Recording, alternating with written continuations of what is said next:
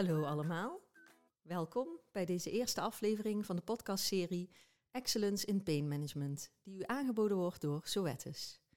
Nou, voor degenen die mij niet kennen, ik ben Anke Verhagen en ik werk als National Veterinary Manager voor Zoetis in Nederland. Ik ben dierenarts en ondersteun gezelschapsdierenartsen met diergeneeskundig advies, productkennis en de wetenschappelijke onderbouwing daarvan. Tegenover mij zit vandaag mijn collega Roxanne van der A. Hallo Roxanne, welkom. Hey, dag Anke.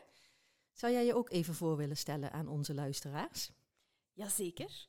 Tot voor kort stond ik nog als gezelschapsdierenarts met beide benen in de praktijk. En tegenwoordig ben ik aan de slag als Inside Account Manager bij Zoetis Nederland. Ik ontwikkel en geef trainingen over onze producten en de aandoeningen waarvoor onze producten ingezet worden. En dit zowel voor dierenartsen als paravets. Nou, bedankt. Zeg Roxanne. Vertel eens, Anke. Welke hond kan er heel goed drijven? Goh, goeie vraag. Een hele dikke hond? Nee, een dobberman. oh, nee, zonder gekheid. Wat is het doel van deze podcastserie? Nou, we willen jullie middels deze serie handvatten geven om het ziekteproces rondom osteoartrose bij hond en kat en de technische productkenmerken van zowel Librella als Solentia om te zetten naar korte, duidelijke en voor een eigenaar makkelijk te begrijpen informatie. Want zeg nou zelf, ja, de moeilijkste diersoort waar wij als dierenarts mee te maken hebben, dat is toch wel de mens. Dus na het volgen van deze serie ben je goed toegerust om in Jip en Janneke taal al de belangrijke zaken rondom deze onderwerpen uit te leggen aan de diereigenaar. Dus laten we beginnen bij het begin. Roxanne, gezien je jaren als dierenarts in de praktijk, mag ik aan jou vragen hoe je aan een eigenaar het complexe gebeuren van osteoartrose, dus hoe het ontstaat, wat de rol van NGF, dus Nerve Growth Factor, is en wat er zoal nog meer in zo'n gewricht gebeurt, uit zou leggen? Dat kan zeker, Anke. Maar zullen we het eerst eventjes hebben, in dierenartsentaal dan, over wat er zich precies in zo'n gewricht met osteoartrose afspeelt? Ja, dat vind ik een heel goed idee. Wat is osteoartrose eigenlijk? Osteoartrose is een chronische, progressieve, degeneratieve aandoening van de gewrichten die zich kenmerkt door kraakbeenschade. En die kraakbeenschade die komt daar natuurlijk niet zomaar. Je hebt daar uitlokkende factoren voor nodig. En dat kan bijvoorbeeld een aangeboren gewrichtsafwijking zijn, een trauma. En er is nog eentje, Anke, die ook een heel belangrijke rol speelt. Nou, dan hebben we het over die dikke hond, hè? Obesitas, die van jou, die ook bleef drijven. obesitas. Inderdaad. Dus obesitas of overgewicht blijkt ook een heel belangrijke risicofactor te zijn voor het ontwikkelen van osteoartrose. Um, mag ik iets vragen? Is er nog een verschil tussen hond en kat als je het hebt over die uitlokkende factoren? Ja, dat is er zeker. Dus we weten dat honden vaker secundaire artrose ontwikkelen. Dus dat die artrose zich ontwikkelt ten gevolge van een gewrichtsafwijking. Dat kan een aangeboren afwijking zijn, zoals heupdysplasie, schouderdysplasie. Dat kan ook een gewrichtstrauma zijn. Bij de kat is dat minder het geval. We zien uiteraard de grotere raskatten dat je daar eventueel ook wel wat heupdysplasie bij, bij terugziet. Maar dat is niet de regel. Dus uh, katten ontwikkelen vaker primaire osteoartrose. En dat is osteoartrose die... Ja, door overbelasting of zo, hè? Ja, door overbelasting of echt slijtage bij mm ouderdom. Ja. Die kat die je altijd uh, de tuin in moet springen en dat enkel via een hele hoge schutting kan doen. Ja, dat Inderdaad. Soort, uh, ja, ja. Ja, ja. ja, goed. Dus we hebben kraakbeenschade gekregen omwille van een uitlokkende factor.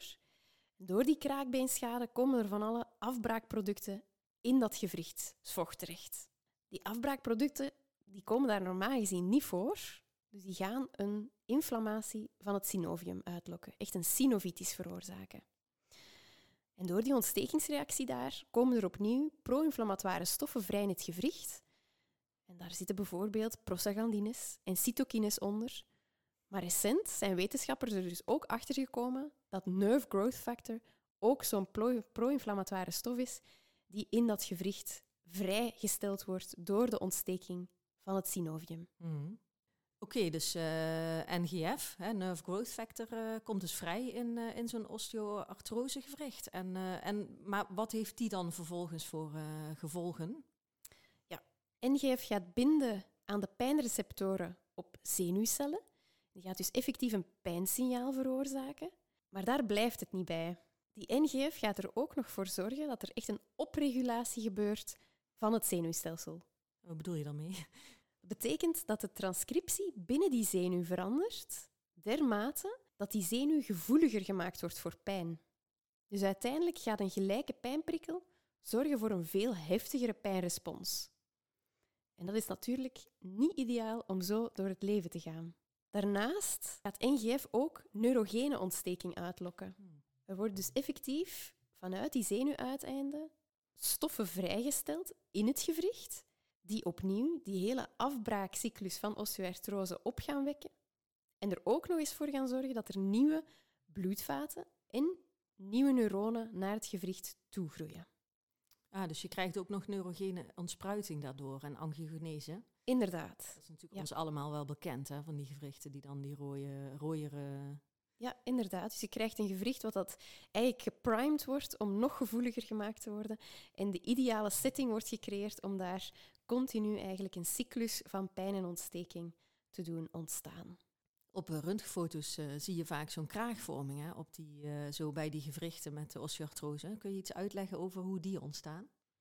Ja, je krijgt uiteindelijk niet alleen beschadiging van het kraakbeen, maar door die hele osteoartrose-cyclus krijg je ook beschadiging van het subchondrale bot.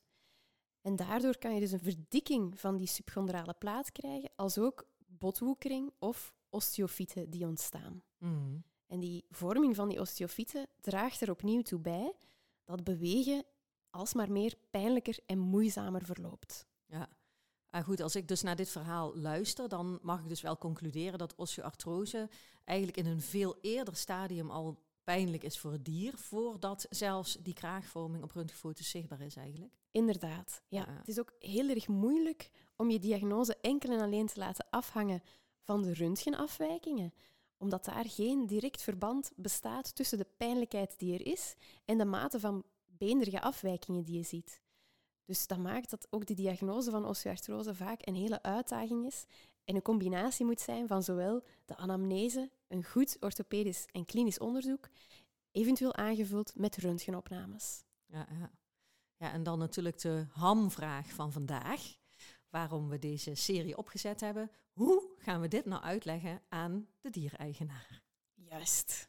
Mensen zijn over het algemeen erg visueel ingesteld, dus het is zeker een goed idee om iets van beeldmateriaal bij de hand te hebben als je aan je uitleg begint. Zoetis heeft een heel mooi heupmodel ter beschikking dat je hier prima voor kan inzetten. En als je hier interesse in hebt, neem gerust contact op met je accountmanager. Maar goed, wat is osteoartrose? Osteoartrose is een ongeneeslijke aandoening van de gewrichten die gepaard gaat met pijn en ontsteking die met de tijd steeds erger wordt. Het is belangrijk om osteoartrose tijdig te behandelen, omdat de mate van pijn met de tijd toeneemt. Ah ja, duidelijk. En uh, de rol van NGF, hoe zou je die uitleggen? NGF is een belangrijke sleutelmolecule bij osteoartrose die pijn uitlokt en ontsteking in de hand werkt. Nou, dat is inderdaad een mooie, korte en begrijpelijke uitleg van het ingewikkelde gebeuren rondom osteoartrose. Bedankt hiervoor, uh, Roxanne. Heel graag gedaan. Spits is eraf.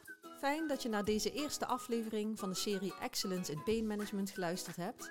Volgende keer gaan we het hebben over de monoclonale antistoffen Librella en Solensia en hoe je aan de eigenaar uit kunt leggen wat dit zijn en wat ze doen.